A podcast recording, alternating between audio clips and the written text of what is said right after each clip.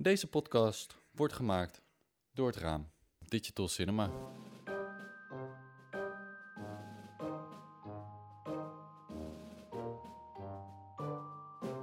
Dit is Achter het Raam, een podcast over cinematografie voor en door cameramensen. Dick, welkom. Toch, daar zitten we eindelijk. Eindelijk. Ja. Het mocht even duren, maar eh, we zijn heel blij eh, dat je er bent. Ehm, ik heb altijd een standaard vraag die ik stel. En dat is meestal, wat heb je vandaag gedaan? Maar goed, het is nu kwart over elf 's ochtends. We zijn wat vroeg. Hoe zag Eh, jouw, misschien een andere, betere vraag. Hoe zag jouw eh, periode eruit de afgelopen maanden? Het was natuurlijk Ehm. crisis, weinig gefilmd in eh, de wereld. Ja, ik, ik, ik voel me bijna schuldig om te zeggen dat ik helemaal niks ervan meegekregen heb qua crisis. Vertel. Ehm, ik ben met een natuurfilmproject bezig. En ja, we hebben eigenlijk twee weken lang gedacht, kunnen we nog wel door? Waardoor we in de studio een paar dingen zijn gaan doen, die we eigenlijk niet in de studio zouden doen. Maar dat was Mhm. dan handig, dan konden we, konden we wel door. En daarna hebben we besloten, laten we maar gewoon weer proberen. En in het bos is geen corona, dus we, Ja, ik heb de afgelopen maanden gewoon fulltime doorgewerkt. ja joh. Dus ik ben, eh, ik voel hem ook wel, dus nu zo, na die maanden. Je bent toe aan vakantie. Ja, de vakantie kan niet wachten. Ja. Terwijl de rest van de wereld toe is aan het Dus, werken. eh, ja, precies. Ja, klaar precies. met een hele lange zoiets. vakantie. Kunnen we weer iets doen? Nee, ik ben, eh, laat mij maar even gewoon even niet doen, niks doen nu. De gast is Dick Harrewijn, een veelzijdig cameraman die naast het filmen van mensen een voorliefde heeft voor de natuur en daarbij het dierenrijk. Dick is namelijk gespecialiseerd in de natuurfilm. Hij draaide onder andere voor De Nieuwe Wildernis, Wild op de Veluwe, Holland Natuur in de Delta en heeft niet zo lang geleden nog de opnames voor een nieuwe documentaire over het Waddengebied afgerond. Deze film heet Silence of the Tides. Hoe draai je die bijzondere shots van schuwe beestjes? Hoe kom je dichtbij zonder ze af te schrikken en wat zijn de technische uitdagingen? We praten hier met Dick op anderhalve meter afstand in onze studio. Hoe is het voor jou begonnen, dit allemaal, het camerawerk? Eh, ik heb HKU gestudeerd. Ik heb daarvoor nog een opleiding voor theatertechniek gedaan, omdat ik dacht dat theater toch ook wel heel tof zou zijn. Maar vervolgens kwam ik er daarachter dat theatertechniek toch vooral binnen is en ik eigenlijk liever buiten wilde zijn. Eh, En alles wat ik, eh, vooral licht vond ik het meest interessante. Eh, en alles wat we daar te horen kregen, daar kwam toch heel vaak de HKU ook naar voren. Dus toen ben ik daar gaan kijken. Ja, Ehm, ik heb me ook aangemeld voor de Filmacademie. Uiteindelijk toch voor de HKU gekozen zelf. oké. Ehm, Waarom?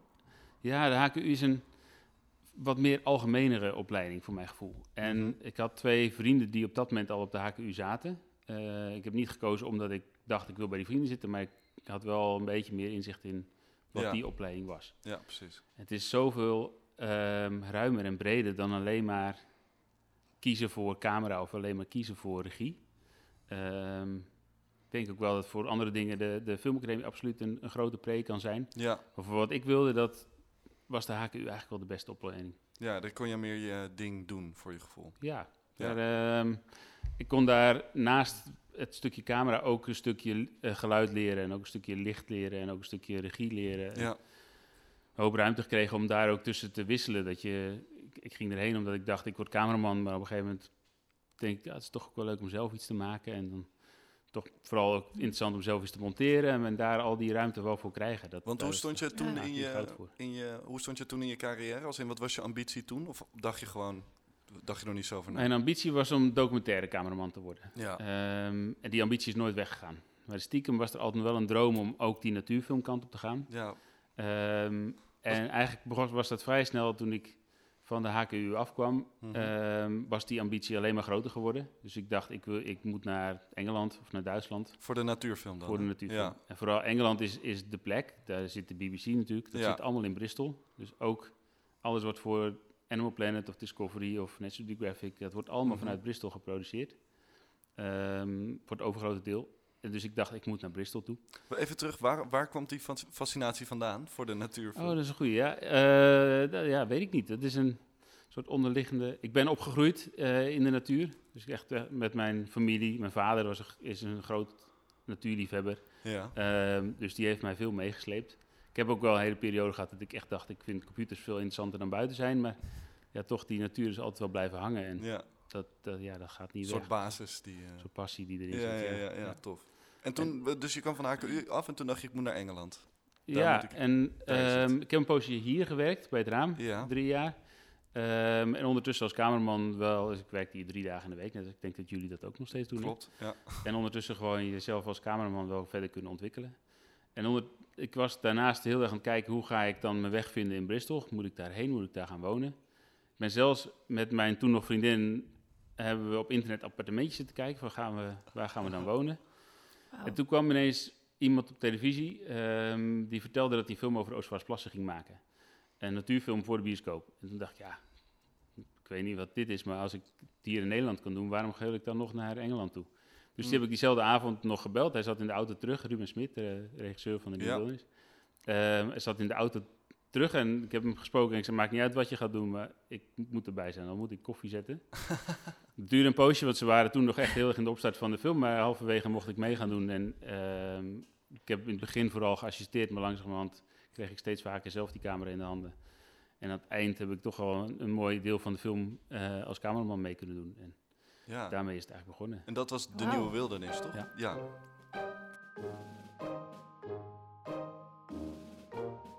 De vraag, hoe werkt dat met een studio en eh, natuurproject? Het zijn natuurlijk twee verschillende dingen eigenlijk. Ja, ehm, ja, dan gaan we gauw meteen in, heel diep in op, eh, op de natuur. Maar in dit geval is misschien het goed om het gelijk op het voorbeeld van, de, Mhm. van dit project te gooien. Doe dat. Eh, ik ben met een tv-serie over de natuur van België bezig. Ehm, Mhm. Dus we, we draaien alles wat we doen in, is in België. Eh, en ja, die serie gaat over de hele natuur, van de kust tot Zuid-Ardennen. Ehm, in allerlei afleveringen over wat er dan in die natuur allemaal te vinden is. Ja. Eh, zes afleveringen puur natuurdocumentaire. En er zijn eh, soms dingen, en dan gaan we gelijk in op het, het geheim van, van de natuurfilm. Ja. Ehm, er zijn soms dingen die we buiten kunnen filmen, eh, maar mooier kunnen worden in de studio. Maar er zijn ook dingen die we gewoon echt buiten absoluut niet voor elkaar kunnen krijgen. Hmm. Eh, en die dus in de studio moeten. En dat is waarvoor ik een studio heb. En waarvoor er dus af en toe scènes zijn die we dan dus mee naar binnen nemen. En dat doen we met licht en met de setting bouwen we na alsof het buiten is. Ja, ja, ja. Ik denk als ik het goed gedaan heb dat de kijker het ook niet door zal hebben dat het binnen is. maar binnen hebben we veel meer onder controle. Ja, Bijvoorbeeld dat we, als je iets, het zijn natuurlijk altijd kleine onderwerpen, het zijn kleine beestjes, ehm, vaak insecten of Mhm. met aquaria. En je hebt het licht volledig onder controle. ja. Dus als je iets wil hebben waarvan je continuïteit in je scène wil creëren, dus je wil het hele verhaal met hetzelfde licht laten afspelen. Ja, als je dat buiten gaat doen, zeker in de, op klein niveau, dan continu verandert het licht. Al is het maar dat er een wolk voor de zon gaat, maar de zon verplaatst zich ook. Dus Ja, er komen continu tuurlijk. andere schaduwen langs. En op het licht komt het begin van de dag van links en het eind van de dag van rechts. En daartussen eh, verandert het ook steeds. Binnen is het gewoon altijd hetzelfde. En als je met macro werkt, is het ook heel handig om ehm, geen wind te hebben.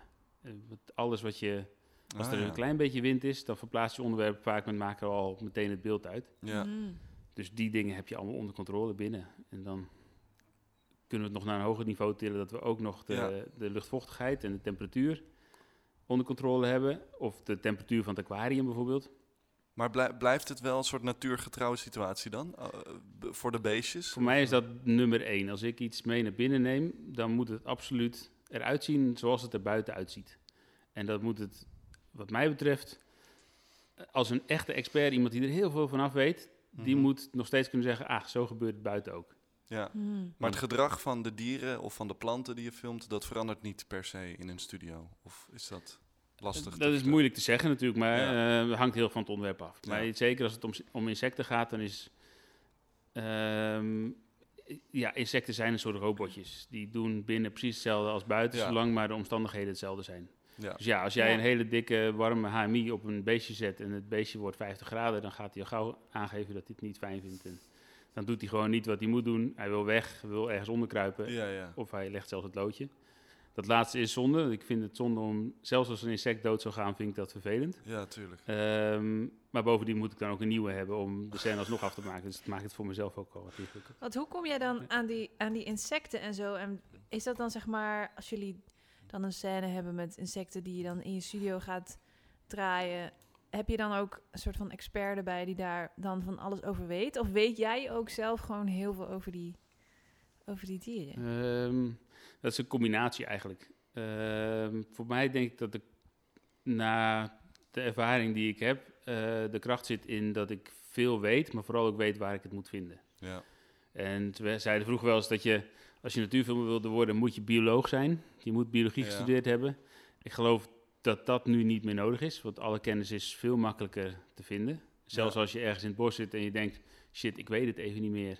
Dan pak je je telefoon en dan vind je het vaak alsnog wel. Ja, ja. Maar toch, zeg maar, die achtergrondkennis en weten hoe je dingen begrijpt en hoe je, hoe je de natuur moet lezen, dat blijft nog steeds een stukje specialiteit. ja. En wat ik zelf niet weet, weet ik wel te vinden bij de experts die Ja. dat wel weten.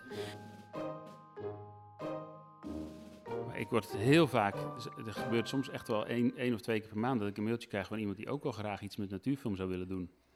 En of dat ze tips hebben of dat ze misschien mee kunnen. Of, ja, Nou. het is, dat is zo simpel. Kan het? Dan kan je ze straks doorverwijzen naar deze podcast, want daar gaan we dus eh, toch nog even dieper op in. Ja. Want eh, goed, naast dat je de natuurdocumentaire doet, draai je dus ook nog wel eh, ander werk, toch?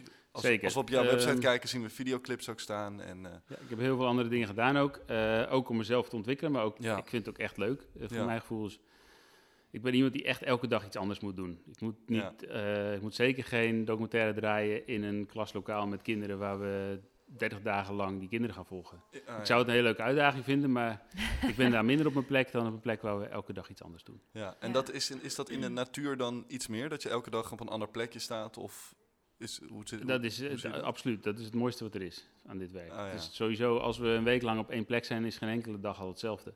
Ja. En Ja. ehm, of dat het nou een documentaire is eh, of, of een natuurfilm, je bent gewoon altijd onderweg en altijd. Elke dag is een avontuur eigenlijk. En dat is wat, ik, eh, wat, ik, wat mij Wat- zo mooi is. Wat het me nu al opvalt is dat je de hele tijd zegt documentaire en natuurfilm. Dat zijn dus wel twee heel verschillende dingen. Oh ja. ehm, ja, het zijn wel voor mijn gevoel echt verschillende dingen. Het is natuurlijk, je noemt het natuurdocumentaire of, of gewone documentaire, noem ik het maar even. Mhm. Eh, maar zelfs daarin heb je natuurlijk ook allerlei onderscheid in verschillende Ja. politiek of mensen. Of, nou ja. Ehm, ja. Maar voor mijn gevoel is, is natuurdocumentaire echt wel een specialisatie.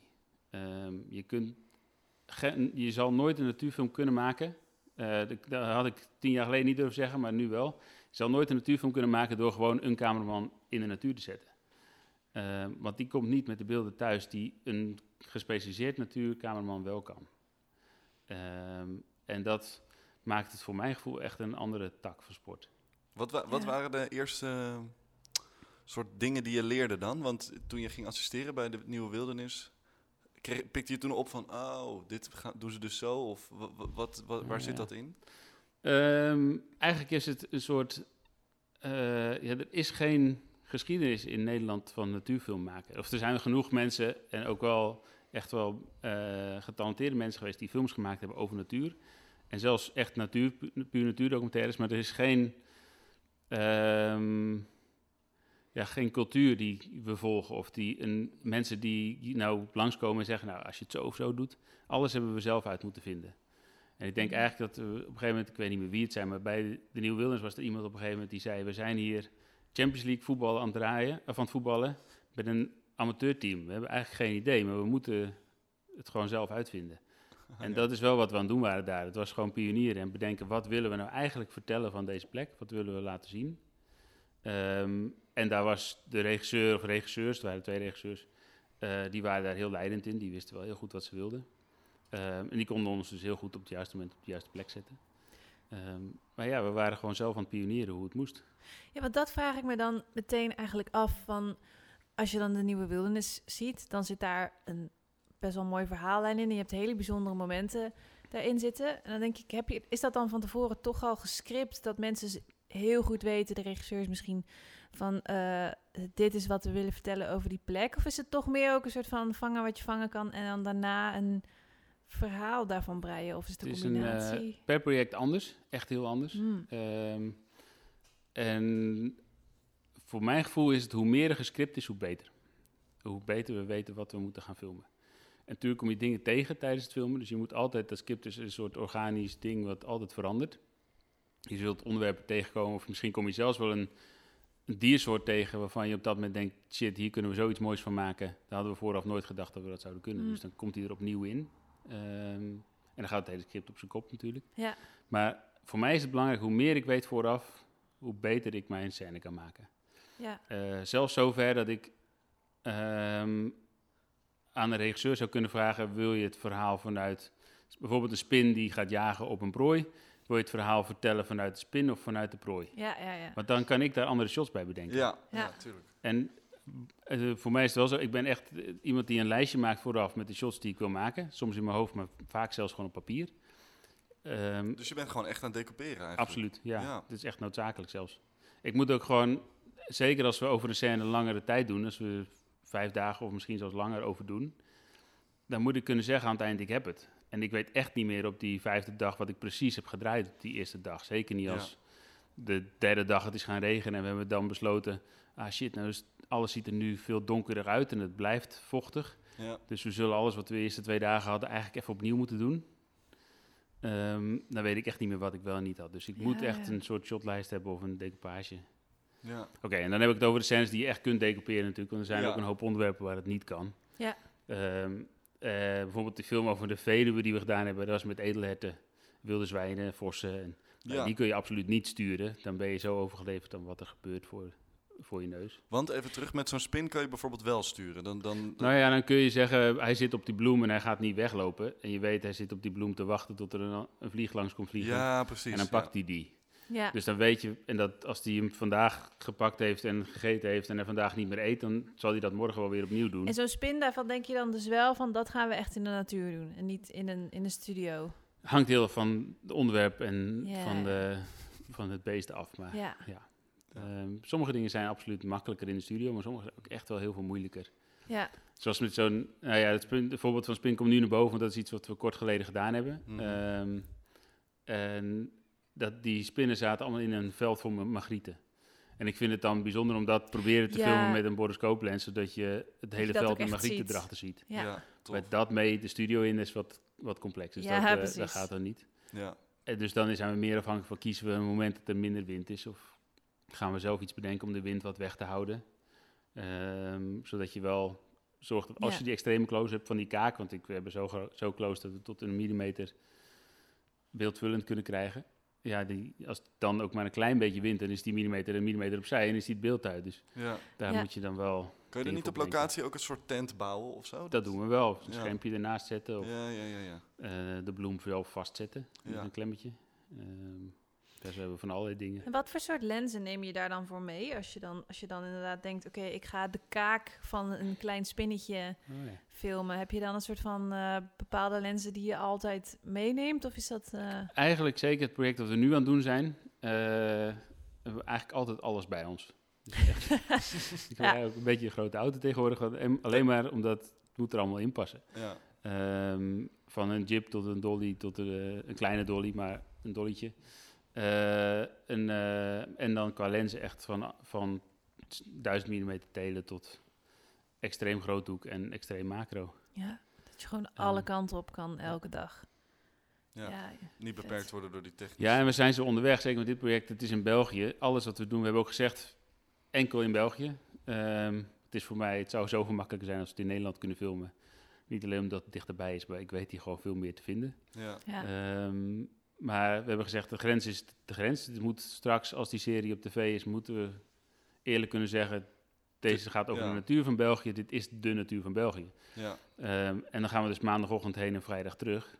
En dan vaak weet ik op maandag wat ik ga doen, maar niet wat ik op vrijdag nog aan het doen ben.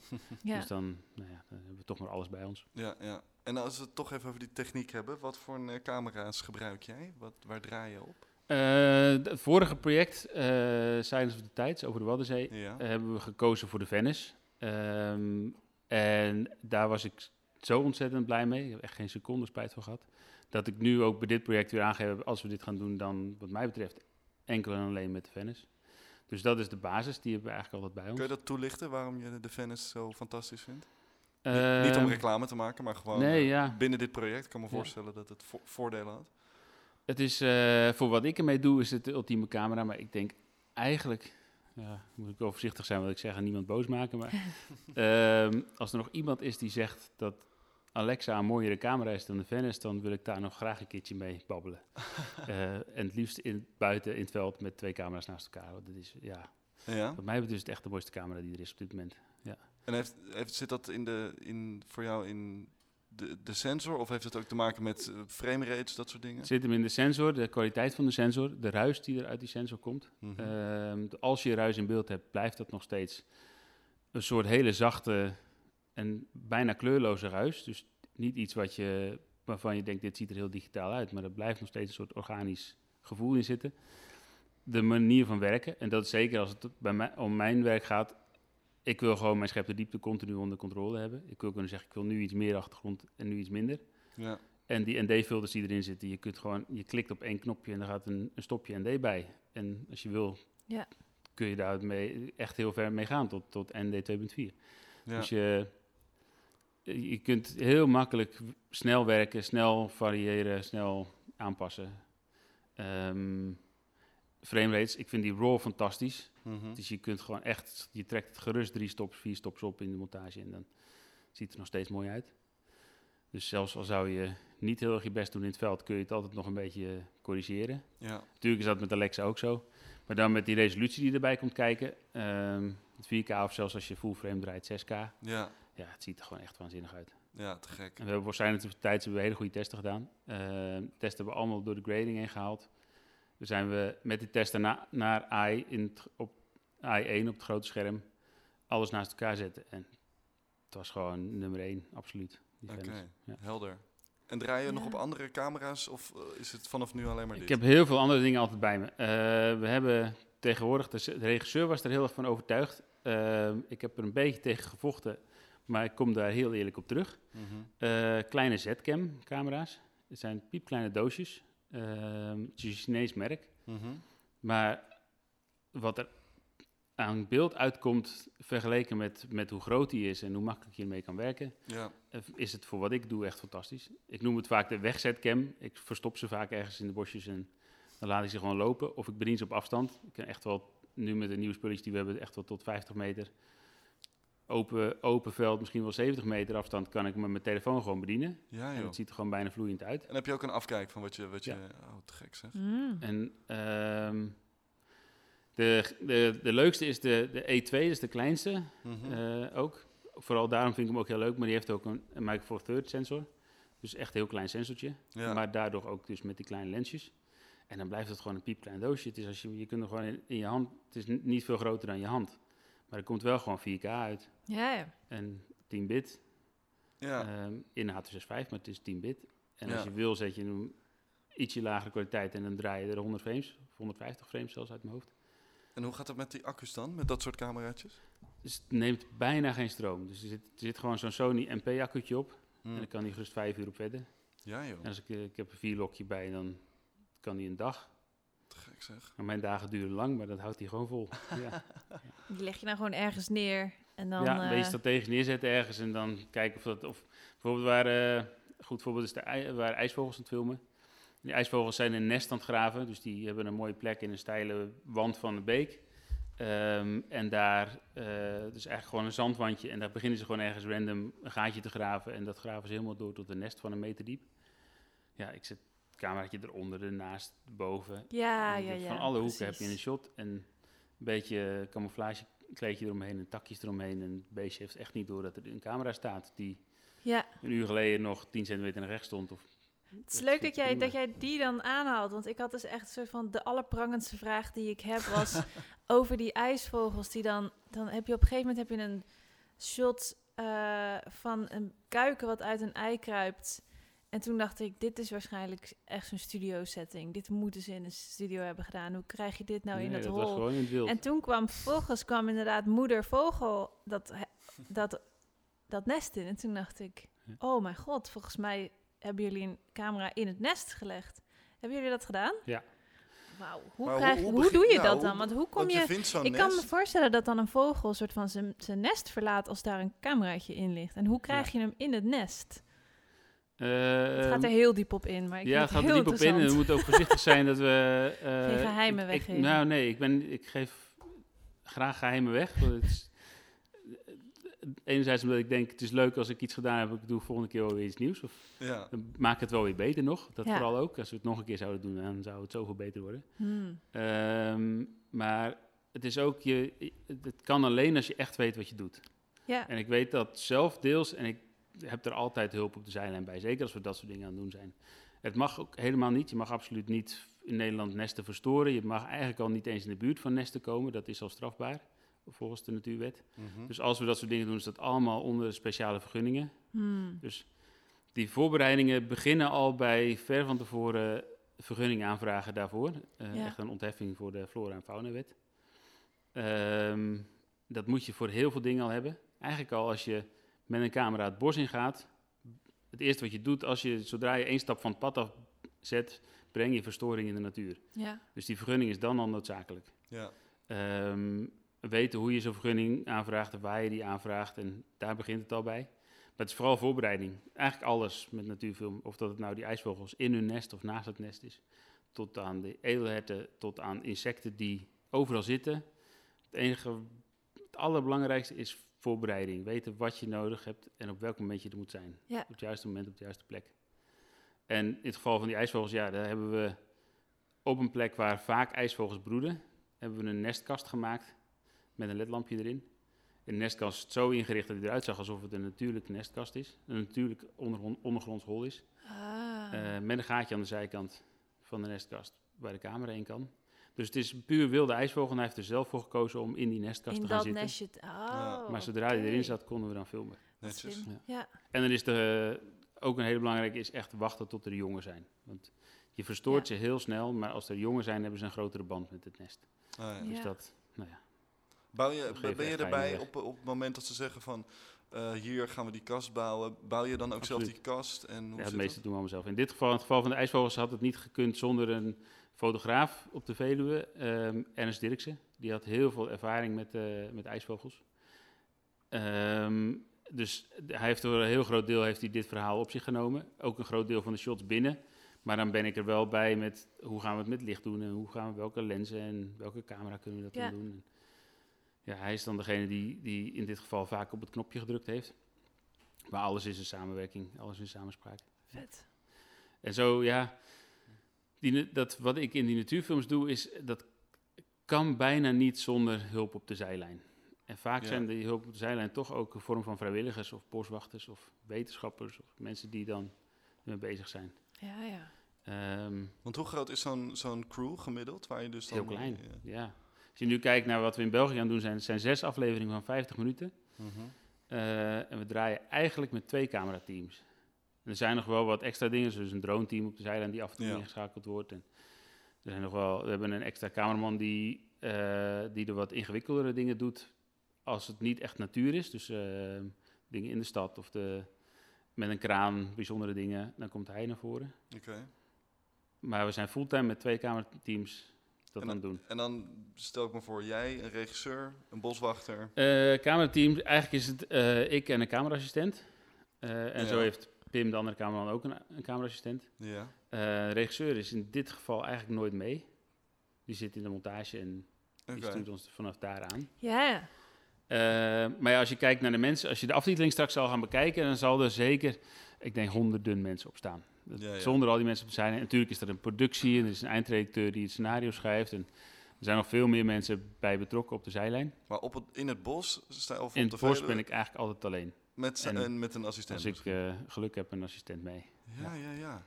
Dus je staat Ja, wel ja. eens hele dagen gewoon alleen in een, eh, op, Ik doe niet anders. echt- veld. zeker als het om natuur gaat, bijna altijd helemaal alleen. Wauw. Ja. Discipline moet je ook wel natuurlijk hebben.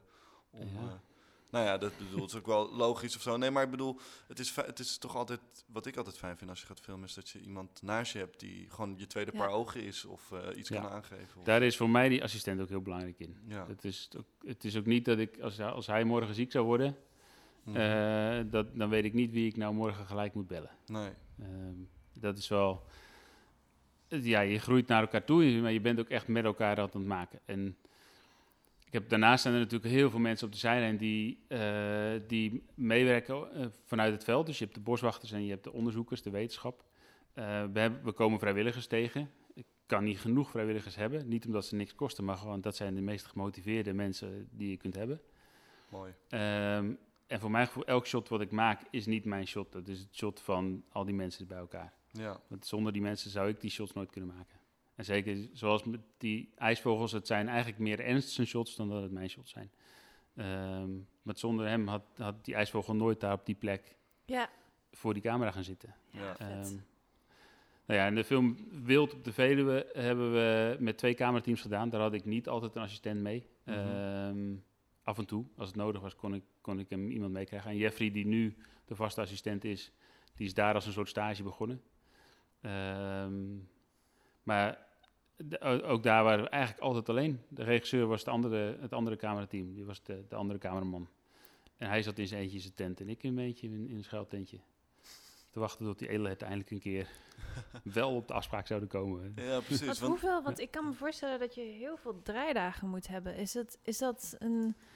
Is dat Wild waar? had er eh, 300 per, per cameraman.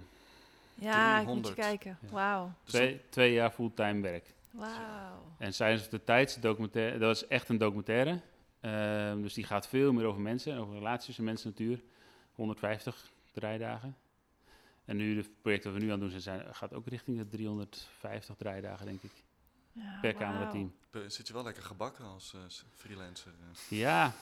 ehm, kijk, eh, wat, wat ik per draaidag krijg, is anders natuurlijk dan dat je ja, ja. één dag in de week voor een documentaire draaien ben. En een groot deel van mijn voorbereiding, die, is- dat, dat zijn ook draaidagen. Ja, Ehm, ik spreek gewoon een, een eh, projectafspraak ja, ja. af. En da- da- het is niet dat het die dagen geteld worden. Ja. Nee, nee, En ik moet heel eerlijk zeggen, als ik dan kijk naar de projecten van de afgelopen jaren... Het is altijd zo geweest dat we vooraf een afspraak maken. En als ik dan dat echt per dag ga bekijken, dan is die afspraak absoluut niet, eh, niet lucratief. Eh, je hebt ons een promo toegestuurd van Silence of the Tides. Eh, Prachtig. ontzettend- Ontzettend. Ik Oh neem aan God. op een heel groot scherm met goed. Ja, we hebben I1 eh, afgehuurd eh, om even die promo te kijken. Ehm, dat is best wel een bijzonder project geweest. Kan je daar iets over vertellen? Ja. Over de, want het, wat je zegt al, het is de relatie tussen mens en natuur. Dat is een beetje de plot, denk ik. Wa- Ja. Hoe is die film begonnen? Wat, waar gaat dat over? Ehm, de film gaat eigenlijk over de Waddenzee, zo moet het zeggen. Van Texel tot aan Denemarken, dus de hele Waddenzee. Ehm, en toen Pieter Rim mij voor het eerst belde, eh, gaf hij al aan, Pieter Rim is de regisseur, Pieter Rim Mhm. de Kroon, eh, gaf hij al aan, ik zie de ademhaling van de Waddenzee als een soort belangrijke hoofdrollijn door die hele film heen. Ehm, en ik zie de relatie mens-natuur. Het was een vraag die kwam vanuit het Waddenfonds, zeg, als ik het goed zeg. Ehm, dat ze graag een mooie film wilden over de Waddenzee voor de bioscoop. En daar zijn meerdere mensen op ingetekend, waaronder ook eh, natuurfilmproducenten. Ehm, uiteindelijk heeft het Waddenfonds gekozen voor een film die meer over de relatie tussen mens en natuur ging. Dus die natuur moest een belangrijke hoofdrol spelen. Ja. Maar de mensen die er wonen en werken, vond Pieter Rim eh, net zo belangrijk. Dus hij heeft een, gezocht naar een balans tussen die twee. Ehm, en die ademhaling speelt daardoorheen een hele belangrijke rol. En hij zegt, ja, die Waddenzee, het is een, een getijdengebied. Het Ja. wordt volledig bepaald door de getijden. En eigenlijk dat water wat erin gaat en er weer uitgaat, dat zie ik als een grote ademhaling. Mooi. En dat moet een soort de rode draad door de hele film worden. Vandaar dat hij ook Silence of the Tides is gaan heten. Ehm, die titel was al, nog voordat we begonnen met draaien, was die al bekend. En die is altijd gebleven. Dat Ja. een- die titel past perfect bij wat het is. Ehm, en we hebben dus in die periode hebben we van 150 draaidagen de hele Waddenzee overgegaan. En overal gezocht naar mensen die wonen of werken op en rond die Waddenzee. En overal probeerden we die Waddenzee eh, naar voren, belangrijk. Dus eigenlijk zeg maar de, de film speelt zich af niet op de eilanden en niet op de kust, maar daartussen, Mm. op die Waddenzee. Eh, en natuurlijk zijn wij, eh, wijk je af naar de eilanden, want je moet de mensen op de eilanden of op de kust, aan de kust filmen, maar er moet altijd een link zijn. Ehm, en die link vind je bijvoorbeeld in, we hebben de vuurtorenwachter op de Schelling, op de Brandaris, hebben we een van de vuurtorenwachters gevolgd. Maar die zit er als een soort godvader op zijn toren en eh, coördineert daar de scheepvaart. Ja. Dus die zit daar op de toren met de Waddenzee op de achtergrond en stuurt daar de scheepvaart aan. Ehm, we filmen kokkelvissers die kokkels vangen met de hand. Eh, maar ook een eh dominee op een, een Duits eilandje. Ehm, die preekt over de Waddenzee. Over eh, eh, eh, getijden, over Ja. ademhaling. Ehm, we een organiste, ook op een Duits, Duits eiland, een ander Duits eiland, Mhm. die haar muziek maakt. ehm, echt als een soort artiest. Dus niet alleen dat ze dat tijdens kerkdienst doen, maar ze maakt haar eigen muziek. Op basis van inspiratie die ze opdoet doordat ze lange wandelingen maakt over het wat. En vaak s'nachts bij volle maan. Ehm, en ook die maan is dan weer een link met getijden. Ehm, dus zo proberen we steeds die, die link naar, eh, naar de getijden, of probeerde Pieter Rim in zijn scenario vooraf al, eh, die link naar de getijden en die link naar die ademhaling terug te blijven komen. En zo, die Waddenzee, we willen er allemaal iets mee. Eh, Pieter Rim zegt ook steeds, we zijn, we willen, de, de ene zegt ik wil hem beschermen, de andere wil die bootjes, iedereen wil recreëren, de ander wil de bootjes eruit halen. Ja. Die vogels komen er massaal als een grote ademhaling naartoe om eh, daar te fourageren, maar gaan weer weg, twee keer per jaar in de vogeltrek. We, recreatie massaal als een ademhaling, adem in en adem uit, gaan we allemaal naar de Wadden als een bestorming. Ehm, andere natuurorganisaties willen er allemaal weer paaltjes neerzetten en vogelbroedgebied en hier mag je, Mhm. niet, eh, mag je niet zijn. Ja. We willen hier geen mensen in hebben. We willen allemaal iets met die Waddenzee. En we kunnen daar een puur natuurdocumentaire over maken en laten zien hoe, hoe prachtig het allemaal is. Ook heel belangrijk. ja. En ook voor de bescherming is zo'n film heel belangrijk. Maar deze film, Pieter Rim koos echt voor om ook een film te maken over hoe het echt is. En wat er... Dus dat was, anders dus, ja, dus dat was voor jou wel eh, na zo- zo'n eh, serie over de Veluwe. Ging je nu ineens weer mensen filmen? Ik vond het fantastisch. Ja. Ja, en ik zou direct weer tekenen als, de, als er weer een nieuw project langskomt. Ja. Ja, ja. Want Ja. zat er veel verschil in? Of, of eh, was het een ander project voor jou? Of? Daar zit heel veel verschil in voor mijn gevoel, ja. Ehm, het is moeilijk om vast te leggen waar het nou precies is. Ja, je zit niet in je eentje in een tent, dus je bent Ja. met een team aan onderweg. Dus hier waren we eigenlijk altijd met z'n vier of z'n vijven eh, waren, we, waren we op reis. Ehm, en ja, je hebt de hele dag door met mensen te maken. Het is wel fijn, je kunt het wat meer sturen. Eh, en zeker Pieter Immers, regisseur, die, die heel graag dingen vertelt met weinig shots. ehm, en graag het zo echt mogelijk laat zien. Dus het was vaak heel goed nadenken, wat willen we nou precies vertellen en Ja. hoe gaan we dat vertellen. Vooraf al heel goed nadenken, als we dit gaan filmen, wat voor soort camerastandpunten, wat voor soort lenzen. ehm, zodat we zo min mogelijk hoeven te regisseren of aan te passen, maar eigenlijk gewoon op het juiste moment op de juiste plek staan. Mhm. En dat is wat ik in de natuur ook continu doe. Het is continu Ja. nadenken over wat gaat er gebeuren en hoe gaat het gebeuren, op welk tijdstip.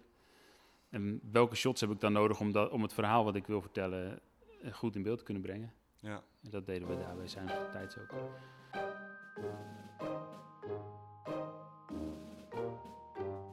Wat is eh, iets, iets bijzonders? Kan je nog iets bijzonders weggeven van, eh van Silence of the Tides, wat je daar heel leuk vond? Of iets wat je nieuw hebt kunnen proberen? Ehm, ja, een goede vraag. We hebben... nou, eigenlijk was het het idee van, van de regisseur om zoveel mogelijk de kijker het gevoel te geven om er zelf te zijn geweest. En als we meegingen met een kokkelvisser, dan stonden we ook in de modder bij zonsopgang kokkels te vissen. Maar een van de onderwerpen was ook de F-16-piloot, die... Want ook dat gebeurt op de Wadden. Dus de Vlierhorst is het een van de grootste militaire oefenterreinen van, Ah, ja. van, eh, van Noordwest-Europa. Mm. Ehm, dus de helft van Vlieland is een oefenterrein.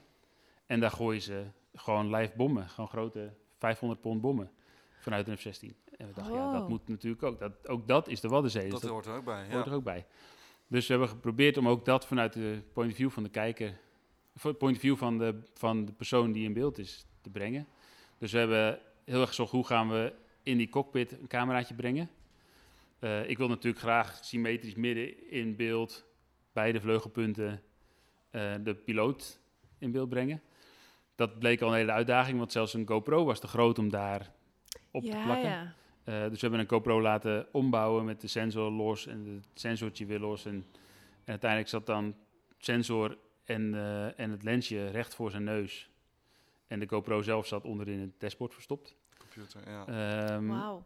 En dan, dus ja, dan geven we toch weer weg dat zo'n shot met een GoPro gemaakt is. ja, ja. Eh, en we hebben, met, het heeft veel moeite gekost, maar de camera, de, de Venice, onder, een, F- onder de F-16 gebonden. En daarmee gewoon point-of-view shots van de F-16 gemaakt. Dus je, Wauw. dus ja, dat zou met een helikopter kunnen. Daar hebben we het ook over gehad. Kunnen we dan niet met een helikopter die beelden namaken? Maar dat je voelt dat je ziet dat het anders is. We hebben heel Ja. veel helikoptershots zitten kijken. En nu kijk je gewoon alsof je met een F-16 tussen de wolken vliegt.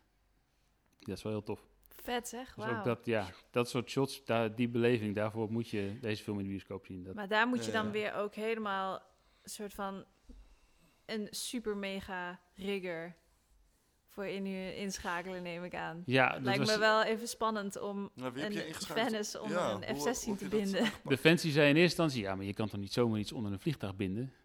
En Pieter Rib zei, ja, maar jullie hangen er toch ook van die grote bommen onder? Dus toch gewoon diezelfde aansluiting maken. En ik neem aan dat die bom ook niet mag vallen voordat, Ja. voordat je op de juiste plek bent. Ja, dat lijkt me een inderdaad, ja. fijne Dus gedachte, als het goed ja. vast zit, dan zit het vast, toch? Ja, en ja. daar vonden, ze ook, daar vonden ze dan toch wel interessant. En daarbij is het balletje gaan rollen. Ehm, en we hebben heel gekeken of we zelf iets moesten bouwen om het in te brengen. Maar dat was echt te complex. Maar we hebben wel een bestaande behuizing helemaal opnieuw aangepast. Eh, samen met Vocas, die hebben er echt allemaal onderdelen voor gemaakt. Dus echt op maat De Venice uitgemeten en de behuizing uitgemeten. En gemeten, on- weer, weer meten en weer voorbereidingsdag. En weer onder die F-16 kijken. En Ja, uiteindelijk ja, het ja. helemaal zo gemaakt dat die camera precies in de juiste hoek onder het vliegtuig hing. En dat hij dan, nou ja, echt wel point of view gaf. Wat vet zeg. En niet los zou laten tijdens de vlucht. Dat Ja. was een hele belangrijke. Ja. Precies, dat die piloot dat verkeerde knopje, niet die bom, maar die camera zo. Ja, poink. Twee kaarten. We konden natuurlijk niet bij het twee kaarten in de camera een extra accu achter de camera met een speciale eh, adapter laten maken. Dat er extra Ja. accu achter de camera kon. En dan kon die net anderhalf uur opnemen. En de vlucht duurt ongeveer een uur met ongeveer een half uur voorbereiding. Mm. Ja. En nou ja, uiteindelijk bij de vluchten zie- zie je hem net nog op de luchthaven in Leeuwarden afvliegen. En dan gaat de camera uit, dan is het kaartje vol. Ehm, Oké, dus eh, er werd gekozen voor de Venice. En wat voor lenzen heb je gebruikt voor eh, dat project? We zijn voor uh, tijdens de tijd eh, echt, het was echt een zoektocht. Ja. Alleen al de keuze voor de camera vond ik al een hele spannende zoektocht. Ja. Ehm, nou ja, zelfs, het was zelfs heel spannend, want we kozen uiteindelijk voor de Venice. Eh, we hebben de cameratesten en de lenstesten in eerste instantie met de F65 gedaan. Wat echt een waanzinnig mooie camera is. Ja. Dat is echt verbazend en zeer ondergewaardeerd. ja. Maar onmogelijk om mee te werken Ja, in, in de modder. Ja. En die kwaliteit hoopten we te zien in de Venice. Maar Mhm. die was nog niet uit, dus die was, was helemaal nieuw. Ja. Ik weet nog wel dat ik hier met Edwin stond en dat hij zei... eh, eh, ja, jij moet die keuze maken, Dick. En dat ik zei, ja, ik vind het toch wel heel spannend, want ik kies voor Venice, maar hij is er nog niet. Ja. Eh, en met de hulp van hier van Edwin, eh, van Focus eh, en van Sony... Mhm. met elkaar hebben we het voor elkaar gekregen om de eerste body in Europa te krijgen toen. En heb je op een prototype heb je toen getest? Ja, we hebben zelfs de- we hebben gedraaid op de eerste camera die echt nog firmware 0. punt nog iets was. En ja, ja, ja. waarvan we twijfelden, is dit wel een goed idee? Ja, maar het is zodra we dingen in de bioscoop zagen, was meteen, het was goud, echt fantastisch. Ja. En de keuze voor lenzen, Mhm. ehm, ja, we hebben echt heel veel specifieke dingen getest. Eh Pieterin was al vrij snel duidelijk over, ik wil dit met primes, gaan we niet anders doen dan met vaste lenzen. En waarom? Ehm, ja, ik, ik moet eerlijk zeggen dat ik in het begin nog wel diezelfde vraag stelde. Weet je dat zeker? Want we draaien wel een documentaire en is het allemaal wel zo voorspelbaar? ja. Maar de kwaliteit van primes, ja, daar hoeven we het niet over te hebben. Dat Ja. snapt iedereen. Het ziet er anders uit, zeker op zo'n bioscoopscherm. Mhm. Maar je gaat er ook anders mee werken. Je gaat er anders over nadenken. Je gaat anders nadenken, waar ga ik staan en hoe ga ik mijn shot En dat was voor hem belangrijk, die Dat eh, was voor hem heel belangrijk. En dat, dat zie je absoluut terug in de film. En heb je Elke andere, shot want je bent, over nagedacht. ja, en je bent dus voor de Sigma Primes gegaan? Ja, we hebben ge- getest. We hebben hier nog staan kijken. Gaan we het nou op Master Primes doen? Of gaan we het op Ultra Primes? Of gaan we kiezen voor een andere look, zoals een Leica of een Koek? Mhm. We waren al vrij snel over, het, over uit dat we zeiden... ja, we willen graag dat het gaat lijken op wat we zelf zouden zien. Dus als je in de bioscoop zit, dat je ook het gevoel hebt dat je zelf op die Waddenzee stond. En daar een hele speci- specifieke look aan het beeld gaan geven Mhm. haalt je daar een beetje bij weg. Dus we gingen al gauw richting de Master Primes, Ultra Primes. En die nieuwe Sigma's waren er ook net uit. Dus toen zeiden we, nou, misschien moeten we die dan ook testen. Master Primes full frame, dus dat was dan toch wel de voorkeur. Maar heel groot, eh, zwaar. Ja. En ik zag ons nog niet helemaal met die rugzak Ja. de Waddenzee op gaan met 20.000 euro per lens in je, in je rugzak. En dat, die waarde is eigenlijk helemaal niet belangrijk, want je staat er en het is gereedschap. Ja. Maar toch is het, ga je er dan anders mee om, denk ik. Ja. Ehm, dus Ultra Prime is toch ook maar niet full frame, maar dan toch maar meegenomen in de test. En die Sigma is er maar naast gezet, waarvan we zelf al... Ik heb een hele goede relatie met Sigma in Mhm. de afgelopen jaren. Ik heb veel met die fotolenzen gewerkt, de telelenzen dan vooral. Ehm, Ja. dus ik had er wel vertrouwen in, maar ik niet gedacht dat dat hem nou echt moest worden. Maar toen gingen we de testen terugkijken. We hebben getest op de dijk hier, Durgedam. Mhm. Zonlicht, een dag en een dag met regen, slecht weer. En dat in de grading en op, op het grote scherm A1 terugkijken. En die Sigma sprongen er gewoon uit. Het was scherper, het was contrastrijker. Het was absoluut een look waar sommige mensen niet naar op zoek zouden zijn. Maar die kun je aanpassen als je dat met filters zou willen aanpassen. We hebben Ja. we ook nog getest, we besloten dat niet te doen. En dat, wat voor filters had je het dan over? Eh, of- we hebben uiteindelijk in de film, ik denk dat er één shot nog met een Black Promise gedraaid is. Eh, de rest is allemaal zonder filters. Ja, ja, oké. ja. Ehm, en eh, misschien dat er één shot met een polarisatiefilter gedaan is. Maar zelfs dat Geminimaliseerd. hebben we, hebben we gewoon uiteindelijk voor gekozen het niet te doen. Oké. Dus ehm, ja, op het grote scherm, en, dan ligt het niet. Dat zie je wat hij doet. En die Sigma's leren we vervolgens ook nog dat ze enigszins weather sealed zijn. Dus ehm, En ze zijn natuurlijk full frame. Dat is Full frame, voor de fans ook fijn. We stonden, ik stond bij Focus en we hadden, ik had het bij een van de technici daarover een statief. Van hoe ga ik nou zorgen dat mijn statief niet aan het eind van deze productie in de prullenbak kan. Ja. En toen zei hij, we doen hier ook het onderhoud van Omroep Zeeland. En die doen niet alleen het statief in de prullenbak, maar die doen ook andere dingen vrij snel in de prullenbak. Want dat zout zit niet alleen in het water waar je met je statief in staat, Ja. dat zout zit in de lucht, het zit overal in. Oh, Alles gaat ja. stuk. Eh, en dat konden we ook zien. Er zijn bepaalde dingen, of sowieso het statief, zelfs de delen die niet in het water hebben gestaan, ehm, roesten. Ja. De rigging, er zitten een paar schroefjes die niet roestvrij staal zijn aan de, aan de rigging. En die gingen ook roesten. We hebben de meest gebruikte lens, de 24, uit elkaar gehaald. En Ja. van binnen bekeken en niks te zien, als nieuw. Ja, joh. Dus die keuze was uiteindelijk voor deze film de, absoluut de beste keuze. Oké. En we hebben. Het is niet alleen zeg maar, de kwaliteit van de lens, dat moet ik erbij zeggen. Het is ook echt de discipline van de cameraassistenten. Gewoon elke dag nadraaien, alles schoonmaken. Alles door de alcohol, alle lenzen, alles dopjes eraf, alles poetsen.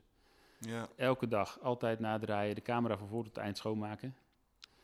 En elke dag alle rigging. We, ik, we vroegen altijd om een hotelkamer met een bad. Niet om er zelf in te zitten, Ah. maar gewoon om Voor je spullen. Elke dag ging al die rigging en Ja. statief, de poten van het statief gingen allemaal in bad. en dan nog, statief kan in de prullenbak. Nou ja, Do- Ja, ja, ja. 150 dagen draaien, het is niks meer waard. het is echt niks meer waard. Dus als iemand nog eens een film over de zee gaat maken, Goeie tip. Neem je koop oude, vooral niet een nieuw statief, maar een wat oude statief. Schrijf hem af. Ja. Ja, want dat lijkt me dus soms best wel, best wel moeilijk als je inderdaad een soort een heel specifiek moment moet hebben van een bepaald dier. Maar, dat, maar je kan niet te dichtbij komen bij dat dier. Is daar dan nog een soort van speciale truc voor die je, die je hebt? Ja, Eh, ja, eigenlijk wat ik al zei, de belangrijkste truc is precies weten wat je wil filmen en ja, waar het gebeurt. Eh, ja precies. Veel van voorbereiding. mij in voorbereiding zit ik me ook echt in. eh, soms dat ik dat, dat iemand anders als wat ik zei, die vrijwilligers dat zouden kunnen opvangen, maar vaak is, moet ik het ook gewoon zelf doen. Ehm, is zonder, zonder camera de natuur en zonder camera daar zijn en zien wat er gebeurt. Ja, Maar pas als je weet waar je dier woont en leeft en wat die, eh, wat die doet op een dag, dan pas kun je daarop anticiperen en daar, Ja. daar op het juiste moment op de juiste plek zijn. vet. En het helpt wel dat een dier voorspelbaar is. Sommige, zoals een edelhert is heel voorspelbaar. Die, zitten, die wonen op één plek, die slapen aan die kant van het bos en die eten aan de andere kant van het bos. En die lopen eigenlijk bijna op de minuut lopen ze op, op dat Ja, pad joh. langs. Maar ja, dan moet het nog steeds wel op dat moment op die plek het juiste licht zijn. Of moet een plek zijn waar je dan kan zitten. De wind moet van de goede kant komen. Want ik zei, die geur is Ja. nummer één.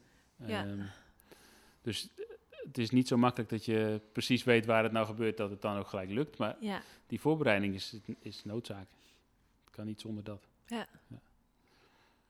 Wat zijn Ja, eh, tijdens het draaien, ehm, zeg maar technisch dan de grootste uitdagingen? Misschien een hele brede vraag, Ja, maar, dat is een hele brede. ja. maar ik kan, ik kan me voorstellen dat, ehm, zeg maar, bijvoorbeeld je accu's of zo, of, of dat, dat, soort, eh, dat soort dingen, of, of dat je je statief plaatsen op een goede plek. Hoe, be- scout je je plekjes bijvoorbeeld waar je Absoluut, gaat ja. Ik en- ben eigenlijk het meeste dat ik doe is toch al... Ja, ook dat is weer heel erg onderwerp en filmafhankelijk natuurlijk. Ja. Als het nu om een project in België gaat, ik ben eigenlijk altijd wel een dag van tevoren, de Belgen noemen dat heel leuk prospectie. Eh, ik noem het Prospect. locatiebezoek. ja. Ehm, vooraf, de dag van tevoren kijken je, of een week van tevoren, maar vooraf voorbereiden. Waar ga ik dan zitten of wat ga ik dan doen? ja. Ehm, ja, en, eh, ja we- ik heb wel een leuk voorbeeld van die vrijwilliger. ehm, en de voorbereiding die erbij komt kijken. Ja. We hebben het verhaal van de klapekster. De klapekster is een klein vogeltje, ja. eh, ongeveer zo groot als een, nou, net iets kleiner dan gewone ekster, maar zo groot als een merel, zeg maar. Een klein vogeltje. Er zijn er niet zoveel van. Eh, zeker in Nederland eh, broeden ze helemaal niet, in Vlaanderen ook niet. Er zijn een paar plekken in Wallonië waar ze broeden. Eh, ik moet nu ook steeds over België praten, Ja. dus waar we mee bezig zijn. Maar ze overwinteren alleen maar hier. Aha. Dus in de winter, en ik denk dat er in Nederland misschien, ja, ik durf geen aantallen noemen, maar tiental, tientallen misschien. Maar Ja. elke heide heeft er wel eentje, maar dat is het dan. Die hebben een groot gebied. Er zit dan één zo'n vogeltje in de winter, die hele winter op die ene hei. Als de hei groot genoeg is, misschien twee, maar dat is het. Ja. En het bijzondere aan die vogel is, hij jaagt. eh, hij ziet eruit als een schattig zangvogeltje, maar hij jaagt op eh, muizen. Dus hij vangt muizen of mestkevers of eh hagedissen vindt hij ook heel lekker. Maar hij eet vlees. Ja. En ehm, dat jagen is natuurlijk een leuk verhaal om dat te laten zien. Dat hij zit op een boom en hij kijkt goed. Hij heeft echt hele goede ogen en hij duikt op zijn prooi en neemt die prooi mee om die op te eten. Maar het bijzondere aan de klapekster is dat hij die prooi niet alleen maar zomaar opeet, maar hij eh, prikt hem ergens op. Dus hij zoekt een boom uit waar hij hem, Hij spiest hem. waar hij hem kan spietsen, zodat hij niet alleen daardoor doodgaat. Het is een klein vogeltje en een muis is een groot beestje. Dus Ja. de, die, die dorens kunnen helpen om net het laatste zetje te geven. Ja. Maar het is ook, die, die prooi blijft daar dan gewoon goed zitten. Bij het opeten is dat makkelijk. Eh, en hij bewaart ze ook daarop. Dus hij kan gerust een boom hebben waar hij meerdere dingen op ophangt. Om ze op een moment dat hij niks vangt. Wauw. Dan heeft hij gewoon een tak met acht muizen zo. een soort aan het Bij wijze van, was het maar zo simpel. Ja, ja. Ehm, het beestje zit dus op zo'n dan grote dus hei. vinden, Ja. inderdaad. En het filmen, het is een witte vogel. Dus in de winter een witte vogel zie je vrij goed zitten. Maar dan is het Mhm. altijd ver weg. Het is een heel schuwe vogel. Hij ziet vreselijk goed. Daar dichtbij komen is al een uitdaging. ja. Maar het jagen, dat had ik al een aantal keer kunnen filmen voor andere projecten. Mhm. Maar we wilden natuurlijk dat stukje van dat opprikken hebben. En dat opprikken ehm, gebeurt vaak maar in een aantal bomen, maar je weet natuurlijk niet in welke. En ze hebben een vrijwilliger gehad die heeft 80 dagen voor ons geobs- geobserveerd. Jemig. 80 dagen, s ochtends en s avonds. Vaak zelfs ook in het weekend. Dus drie, bijna drie maanden lang. En toen wist hij precies, het is in die of in die boom. Wow. En dan konden we daar natuurlijk bij gaan zitten. Dus heb ik bij de ene camera neergezet en daar is Jeffrey naast gaan zitten. En die heeft dan op het knopje gedrukt als er, als er wat gebeurde. Ja. En ik ben bij die andere boom gaan zitten. En het duurde nog steeds een week, maar uiteindelijk hadden we wel gewoon de scène over hoe dat die aan kon vliegen met een muis en die muis op een doorn prikt. En Ja, ja, ja. die voorbereiding, dat het juiste moment op de juiste plek. ja. Ook weten na 80 dagen, het gebeurt vooral s ochtends en niet s avonds. Je kunt er de hele dag gaan zitten, maar als het vooral s ochtends gebeurt, dan zit je de rest van de dag voor niks. Ja, En exact weten welke bomen en welke doorn heeft dan toch een beetje een voorkeur. ja. Wat bizar zeg. Ja, dan heb je die vrijwilligers echt heel hard nodig. Kan niet zonder zo'n Nee. Ik denk ook wel dat dat we nu gefilmd hebben, dat dat... Nou ja, ik weet niet of... Het, ik kan, durf niet te zeggen dat het nooit gefilmd is, maar op dit niveau is het wel uniek wat we hebben. En wat ik dan ook wel interessant vind, is je moet best wel veel verschillende technieken soms in die, eh, in die films. Bijvoorbeeld, wat ik me dan vaak afvraag als ik bijvoorbeeld onderwater scènes zie. Is het bijvoorbeeld, is dat in die van de Veluwe? Volgens mij wel. Er zit eh, ook een scène met kikkers die onder water op elkaar aan het zwemmen zijn en zo. Is dat die film? Ja. Toen dacht ik wel meteen, hoe heb, je, hoe heb je dat dan gedaan? Doe je dat dan ook zelf? Of heb je daar dan toch een soort duikteam voor? Of is dat in een studio? Of, Ja. ja, want dat is toch... Ja, dat lijkt me toch wel... een Onder water ding. is echt een specialisme wat mij betreft. Ja. Net zo goed als dat ik vind dat drones een specialisme is. Ik weet heel goed hoe ik met een drone moet filmen en ik geef me er een en we maken fantastische shots. Maar zet iemand naast mij die de drone bestuurt en ik de camera doe, dan wordt het mooier. Ja. En dat eh timelapse, hetzelfde verhaal. Iedereen kan een timelapse maken. Ik kan je nu uitleggen hoe het, hoe het werkt en morgen maak je prachtige timelapses. Maar een sequentie van timelapses maken en nog beter een sequentie van groeiende planten in de studio, dat is echt Ja. specialisme. Ja, precies, dat is ook weer zo'n ding. ik ja. begrijp die techniek allemaal, ik weet heel goed hoe het werkt. Dus als ik een DOP van een project zou zijn, stuur ik het allemaal aan. En ik weet ook echt wie we morgen moeten bellen als we een nieuw project starten. Ehm, maar het zijn specialismen. Ja. Dus die ga ik echt niet allemaal zelf doen. Maar soms zijn er van die kleine dingen zoals, ja, onderwater is echt een specialisme voor duikteams. Zeker als er duiken bij komt kijken. Maar als het gaat om een scène maken waarbij we ehm, boven water alles filmen en een paar shots onder water, ja, ik vind het fantastisch om met een waterpak in die sloot te staan en de camera even onder water te houden. Ja, ja, ja. Dus wat je zegt, die padden eh, die dan met z'n allen paren onder water, ja, daar, daar doe ik het dan zelf. Ik ben nu ook een scène aan het maken over de, het paargedrag van stekelbaasjes.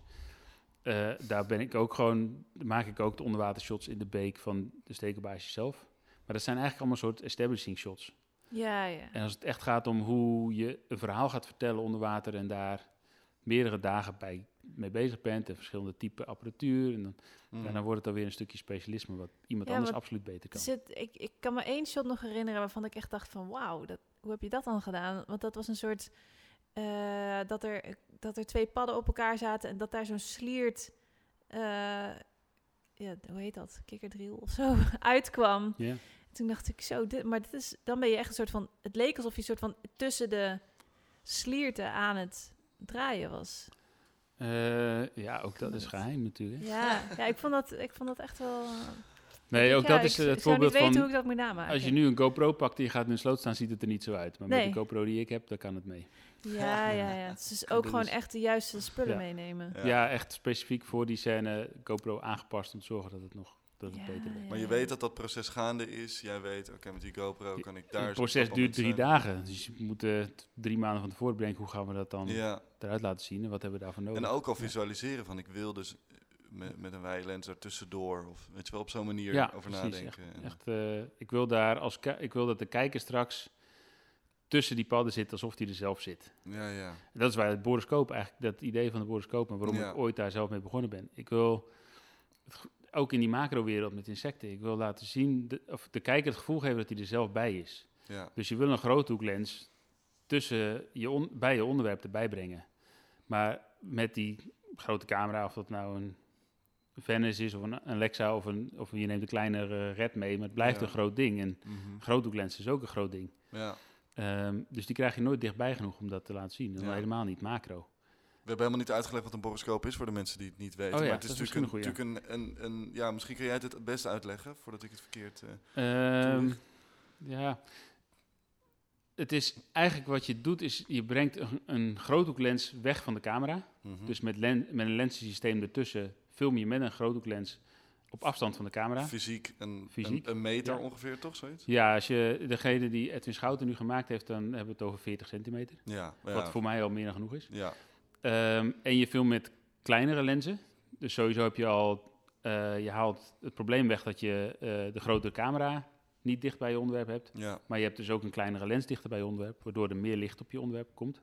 Als je met een grote grote lens naast iets heel kleins komt Ja. te zitten, of dat het nou een, een kever in het bos is of een, eh, een, eh, een koffiekopje in de studio waar een druppel in moet vallen. Je Ja. wil met die grote lens daarnaast en dat, dat moet van de camera af. Ja. Ehm, Anders dekt de camera ook weer licht af. eh, Ja. Fysiek gewoon. Precies. In de ruimte, ja. de, en de lens, of de camera of de lens.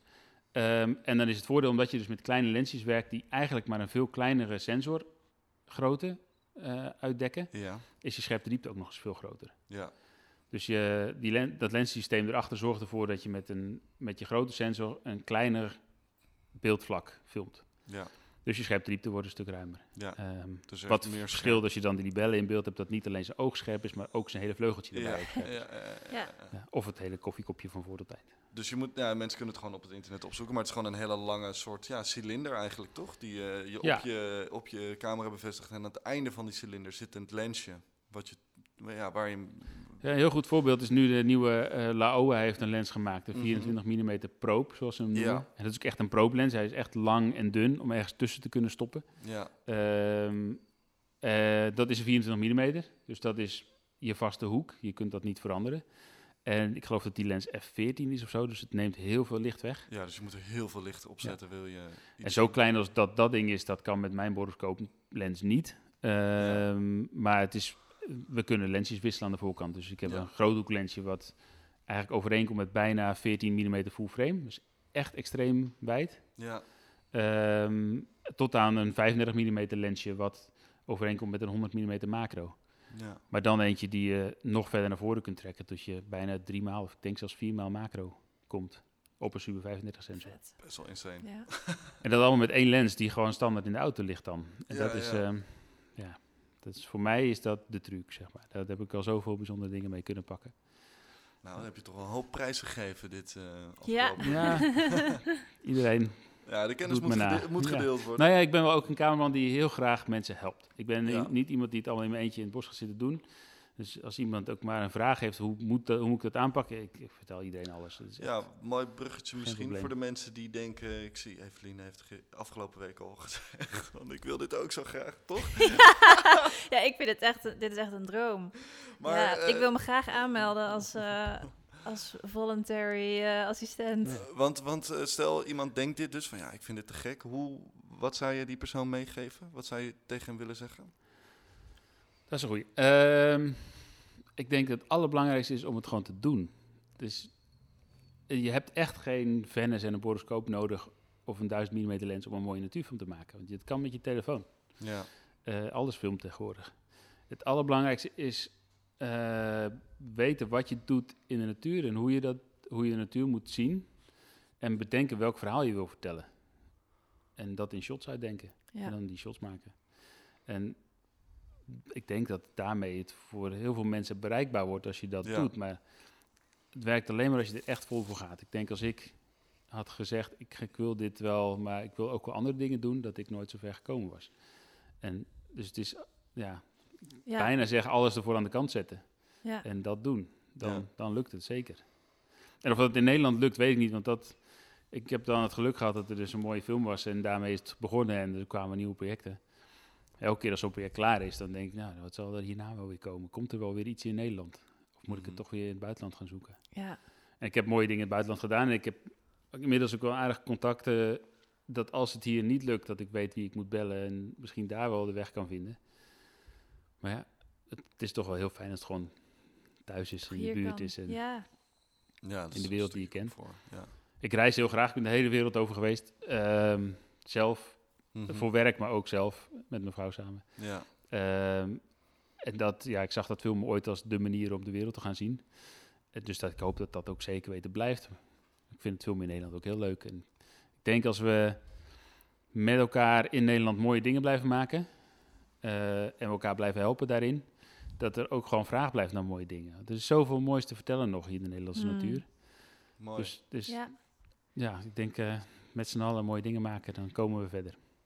Ja, en ik denk dat het ook gewoon heel tof is dat je, dat je het Nederlandse volk toch een beetje laat zien wat Ja. voor mooie natuur hier is. Want zelfs ik, ik hou heel erg van de natuur. Maar zelfs ik was toch best wel verbaasd eigenlijk nog over de nieuwe wildernis. Dat ik dacht, oh wauw, wat is... eh, ja, vond ik echt heel, heel tof om daar nog toch weer nieuwe dingen te leren over je eigen land. of Zo. Dus ik vind het ook heel... Mooi doel, ja. Ja, ik dient vind een het mooi echt heel doel. vet. Ja, Ja, sick. ja, Ja, ja. er is zoveel meer natuur Belangrijk te zien, maar je moet, het, je moet het vinden, je moet het zien. ja. Ehm, en als, ja, ik denk dat wij daar wel een stukje bij kunnen helpen om dat dan Ja. mensen te wijzen van daar moet je kijken. En ja, wat mensen niet zien, dat wordt ook heel moeilijk om dat te beschermen of om daar Ja. Een, een- een belangrijkheid aan te geven. En Ja. dat, daar kunnen wij gelukkig wel iets aan bijdragen. Hey Dick, eh, heel erg veel dank dat je hier was. Dat je langs wilde komen. Dank dat ik mocht komen. Ja, We hebben het heel veel geprobeerd en elke keer moesten we het uitstellen. Ja. Ehm, maar gelukkig. nou zijn fijn, er. fijn dat je je verhaal zo hier hebt kunnen doen en je kennis hebt kunnen delen, toch? Ehm, ja, ik vond het heel interessant. ja. Heel leuk. Graag gedaan. Dit was Achter het Raam. Een podcast over cinematografie voor en door cameramensen. Heb je op- of aanmerkingen? Mail ons. info@hetraam.nl